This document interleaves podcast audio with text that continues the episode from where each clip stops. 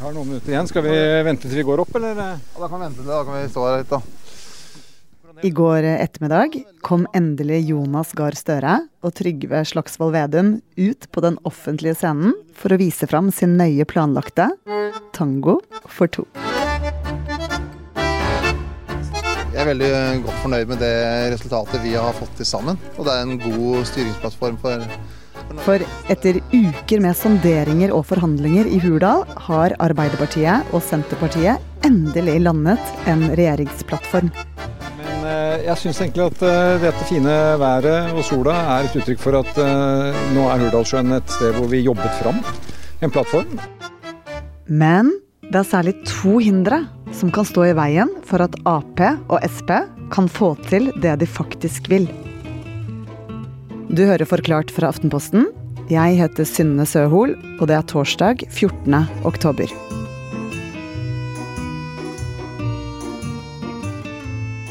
Så da sier jeg vær så god, Jonas og Trygve. Tusen takk. Eh, Det er 13. oktober. Det er nøyaktig en måned siden valget. Og vi er glade for å legge fram en regjeringsplattform som Arbeiderpartiet og Senterpartiet har forhandla fram. Sigrid Gausen, du er jo politisk journalist i Aftenposten. Og i går kom endelig regjeringsplattformen til eh, Ap og Sp. Men aller først, hva er poenget med en eh, regjeringsplattform? Hvorfor har man det? Det er et eh, politisk program mellom de her eh, to partiene om hva de ønsker å få til i de fire åra de skal sitte sammen. Og planen er òg et kompromiss mellom de her eh, to partiene. Så det viser hva de har fått til og blitt eh, enige om, da. Det er litt som en ferieplan, eh, når du har blinka deg ut noen ting du har lyst til å gjøre. Men så skal jo svigerfar bli med, så da får du kanskje ikke gjort eh, alle planene dine. Eh, hvis han f.eks. har lyst til å dra i botanisk hage, så må det kanskje bli et eh, kompromiss, da. Å dra litt i botanisk hage og litt på stranda. Um, så det er sånn at de har liksom ulik politikk, men har blitt enige om en ferieplan sammen. Og det er nettopp en slik plan som Støre og Vedum nå har landet for de neste fire årene. Så etter åtte år med økte forskjeller, så sier vi det er vanlige folks tur. Vanlige folk skal merke dette eh, i hva de får igjen etter å ha betalt skatt. Eh, av hva de opplever at de sitter igjen med i egen økonomi. Og tryggheten de skal ha ute i eh, arbeidsmarkedet. Det de var opptatt av å dra fram, var at uh, dette er politikk for vanlige folk. At vanlige folk skal merke det på lommeboka. At eh, Senterpartiet og Arbeiderpartiet har kommet i regjering. Og eh, de nevner f.eks. trygt arbeid, det skal være jobb nummer én for denne regjeringa her. Og det skal være rettferdig klimapolitikk som ikke er moraliserende. Og Vedum la også vekt på at det er tiltak for distrikter i alle kapitler. Så det òg er liksom med, da. Ja, og det er jo nettopp det de vil eh, skryte av. Men hvilke temaer har vært mest betent? Hva har vært vanskeligst å bli enige om? Altså, Senterpartiet og Arbeiderpartiet de er jo enige om mye, men ikke om alt. F.eks. så har abort vært et vanskelig tema. Eh, CO2-avgift, eh, politireformen har de hatt litt forskjellige eh, meninger om. Sykehus, eh, kontantstøtte. Så det har liksom vært nok av eh, områder hvor det sikkert har vært eh, harde kamper om å få gjennom sin politikk mest mulig, da. Og du nevnte bl.a. abort. Hva har vært utfordrende med den saken? Nei, Der er Senterpartiet og Arbeiderpartiet helt uenige. Senterpartiet har lyst til å fortsette å ha eh, politikken sånn som den er i dag, mens Arbeiderpartiet har tatt til orde for å ta bort eh, abortnemndene frem til uke 18. Altså I dag så har du abortnemnder eh, fra uke 12. Det vil Arbeiderpartiet ta bort. Ja, og hva har de kommet frem til nå, da? Det de har kommet frem til, er at de skal nedsette et utvalg som skal se på abortloven og hvordan de som tar abort, blir fulgt opp. Eh, og alternativer til dagens eh, abortnemnd. da. Men det er en setning som er veldig viktig her, og det er at partier står faktisk fritt til å søke flertall i Stortinget for eh, sine standpunkt om, abortloven. Eh, så ja, Senterpartiet kan eh, få flertall for sitt, altså det å beholde dagens lov, men, og Arbeiderpartiet kan prøve å få flertall for eh, sin mening. Så de er altså enige om å være uenige? Ja, det kan man si.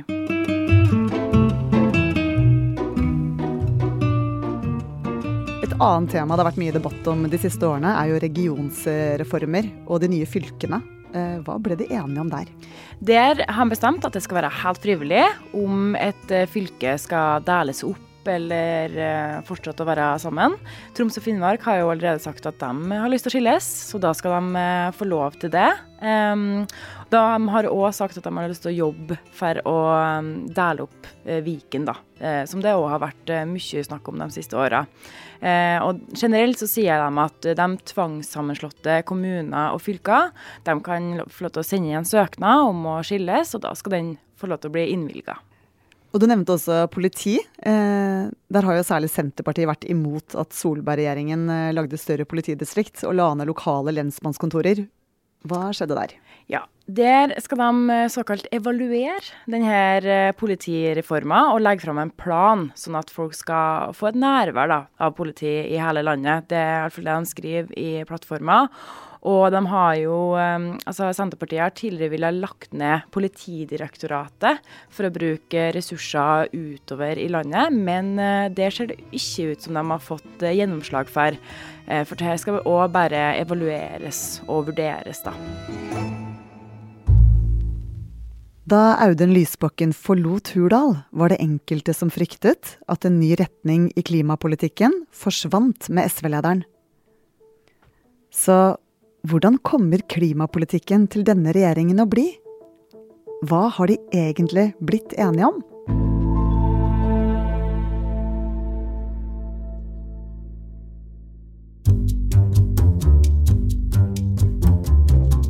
Og så skal vi ha en rettferdig klimapolitikk som kutter utslipp og skaper jobber. Det har vært inspirasjonen vår. Årets valg har blitt kalt klimavalget. Men selv om Miljøpartiet De Grønne ikke kom over sperregrensen, så ble klima et viktig punkt for de store partiene. Og i dette dokumentet er ordet klima nevnt 133 ganger. Sigrid, hva er det egentlig de sier om klima? Eh, de har iallfall lyst til å lage en ny klimaplan. Solberg-regjeringa har jo lagt fram eh, sitt forslag til en klimaplan, men nå kommer det altså en helt ny en, sannsynligvis. Og de skriver at de har lyst til å bruke eh, CO2-avgift, som er et eh, klimatiltak det har vært eh, mye diskusjon rundt. Og hvis du lurte på hva CO2-avgiften er, så er det et politisk virkemiddel som skal gjøre det dyrere å forurense. F.eks. vil en høy CO2-avgift føre til dyrere bensin og diesel. Og um, fordi Ap har ønska å bruke en CO2-avgift og øke den, mens det har Senterpartiet vært eh, helt imot. Fordi at de mener at det er urettferdig for dem eh, som bor på bygda, om å bruke bilen mye, da. Eh, men det kan, altså en økning i CO2-avgift kan bety at det blir dyrere bensin.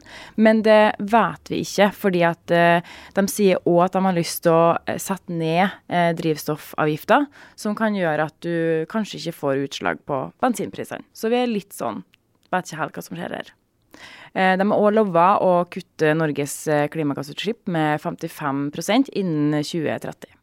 I diskusjonen om eh, klimapolitikken så snakker man ofte om olje. Hva har Arbeiderpartiet og Senterpartiet blitt enige om der? Altså, Puslespillet om olje det ble nok litt lettere eh, når SV gikk ut av sonderingene på Hurdal. Fordi de har jo vært eh, for å slutte å lete etter ny olje. Men det blir det ikke noe av nå. De, eh, altså Arbeiderpartiet og Senterpartiet de legger fortsatt eh, til rette for en høy aktivitet på norsk sokkel. Det skriver de sjøl og har lyst til å elektrifisere sokkelen da, for å eh, kutte klimagassutslipp. Eh, men det blir nok ikke så store endringer i oljepolitikken enn så lenge. Så det blir ikke noe letestopp etter olje i tiden framover? Nei. Så kort oppsummert så ønsker den nye regjeringen bl.a. mindre forskjeller mellom fattig og rik og by og bygd. De ønsker høyere skatter for de rike og mer makt og penger til distriktene. De vil lage en ny klimaplan, utrede abortnemndene, evaluere politireformen og la tvangssammenslåtte kommuner og fylker få lov til å bryte opp hvis de ønsker det. Det er dette Støre og Vedum vil, men nå er spørsmålet hva som faktisk lar seg gjøre. For det er særlig to store hindre for denne regjeringen. For det første ble statsbudsjettet for neste år lagt fram av Solberg-regjeringen. Og de har jo en ganske annen politikk på mange områder. Ja, budsjettforslaget fra den eh, regjeringen som nå går av, det binder jo opp veldig mye av handlingsrommet. Altså hva det er mulig for en ny regjering å, å gjøre. Kjetil Bragli Alstaheim er politisk redaktør i Aftenposten. Og Det er fordi det, det, er mye jobb med et budsjett. Den, altså Erna Solbergs regjering hadde jobbet med budsjettet i et helt år. Og den nye regjeringen har ikke så mange ukene på å komme med endringer. Så de kommer til å få gjort noe, men uh, ikke sånn altfor mye i eh, første runde. Det andre hinderet er at denne regjeringen ikke har flertall på Stortinget. For når de har fått lagt opp et statsbudsjett som de er fornøyd med, så må de få støtte fra noen andre for å få det vedtatt.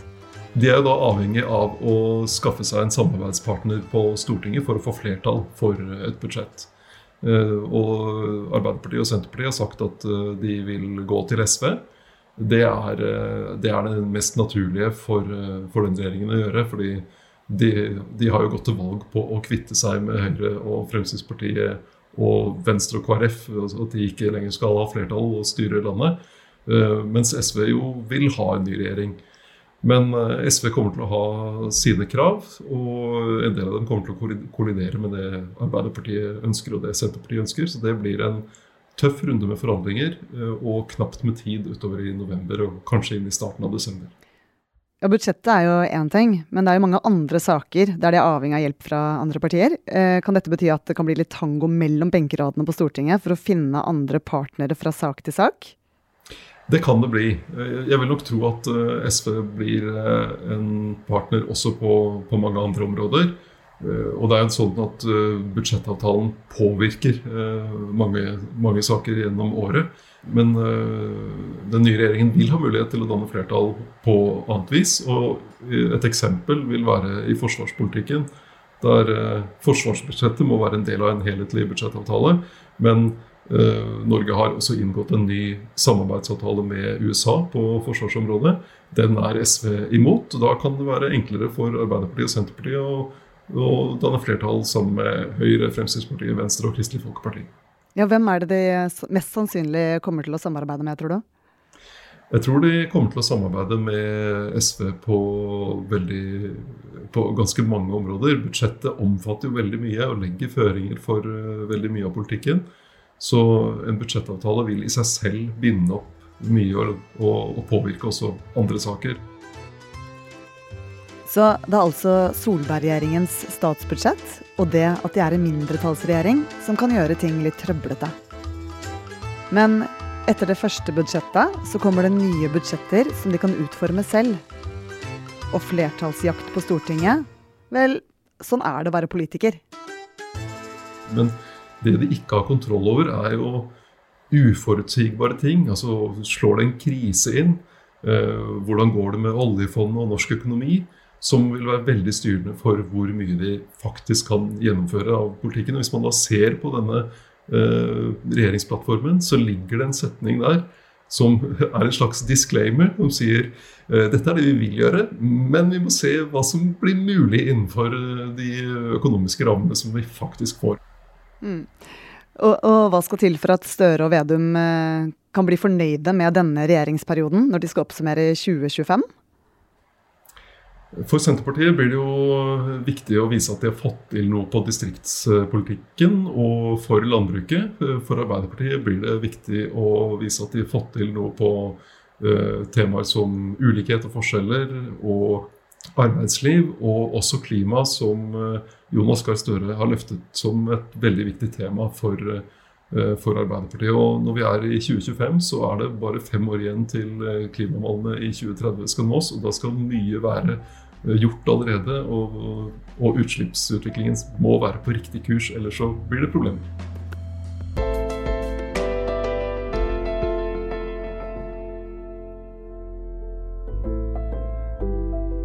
Det er Andreas Bakkefoss, Fride Næss Nonstad, Anne Lindholm og jeg, Synne Søhol, som har laget denne episoden. Resten av Forklart er Guri Leiel Skedsmo, Thea Wold Lyster, Marte Spurkland og David Bekoni. Lyden du hørte, er hentet fra VGTV.